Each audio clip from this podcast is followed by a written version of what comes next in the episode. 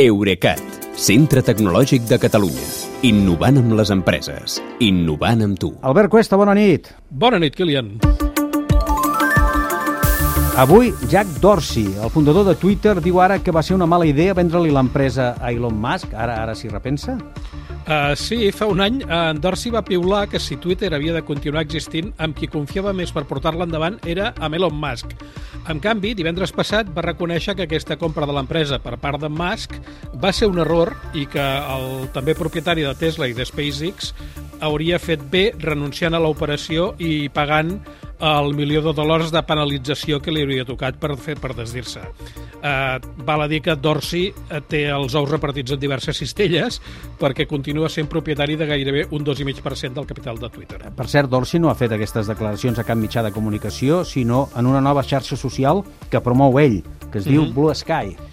Sí, és una xarxa social incipient que té un aspecte gairebé idèntic calcat al de Twitter, ni que sigui perquè el primer any de la seva creació qui el va pagar va ser precisament Twitter, mentre Dorsey n'era el conseller delegat.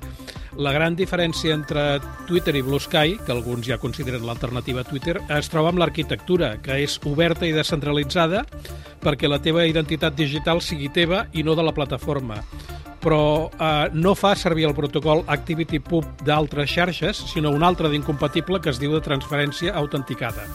No entrarem en detalls, però segons Dorsey és com hauria d'haver funcionat Twitter des del començament.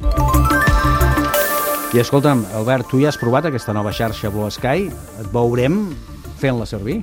Uh, no, encara no l'he provat perquè l'han obert a 20.000 usuaris perquè la puguin provar, però la llista d'espera hi som més d'un milió de persones. Uh, de tota manera, uh, jo crec que mm, ja t'avanço que no tinc cap intenció d'adoptar Blue Sky. Uh, per començar, jo és que trobo que la veritat no necessita més xarxes socials, sinó menys.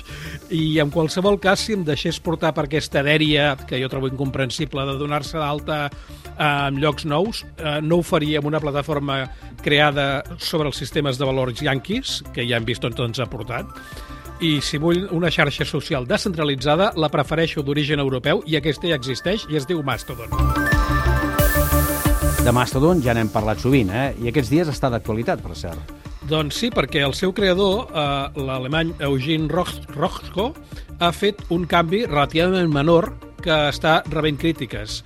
Com que un dels inconvenients que troben fins ara els usuaris nous de Mastodon és triar el servidor, allò que anomenen instància, l'aplicació mòbil oficial de Mastodon ofereix, eh, des d'ara i per omissió, donar-te d'alta a mastodon.social, que és precisament el servidor que Roxco gestiona i que és el que té més usuaris de tota la xarxa. Hi ha gent que li diu que això contravé els principis de descentralització dels que presumeix, però jo crec que el que passa és que no entenen que el que es pretén és posar, posar fàcils les coses als usuaris i, i obliden que qui vulgui sempre pot optar lliurement per qualsevol altra instància. I aquí mai està content, eh? Amb la tecnologia sol passar. Albert, moltíssimes gràcies un dia més. Una abraçada, bona nit. Bona nit, Kilian. Fins demà.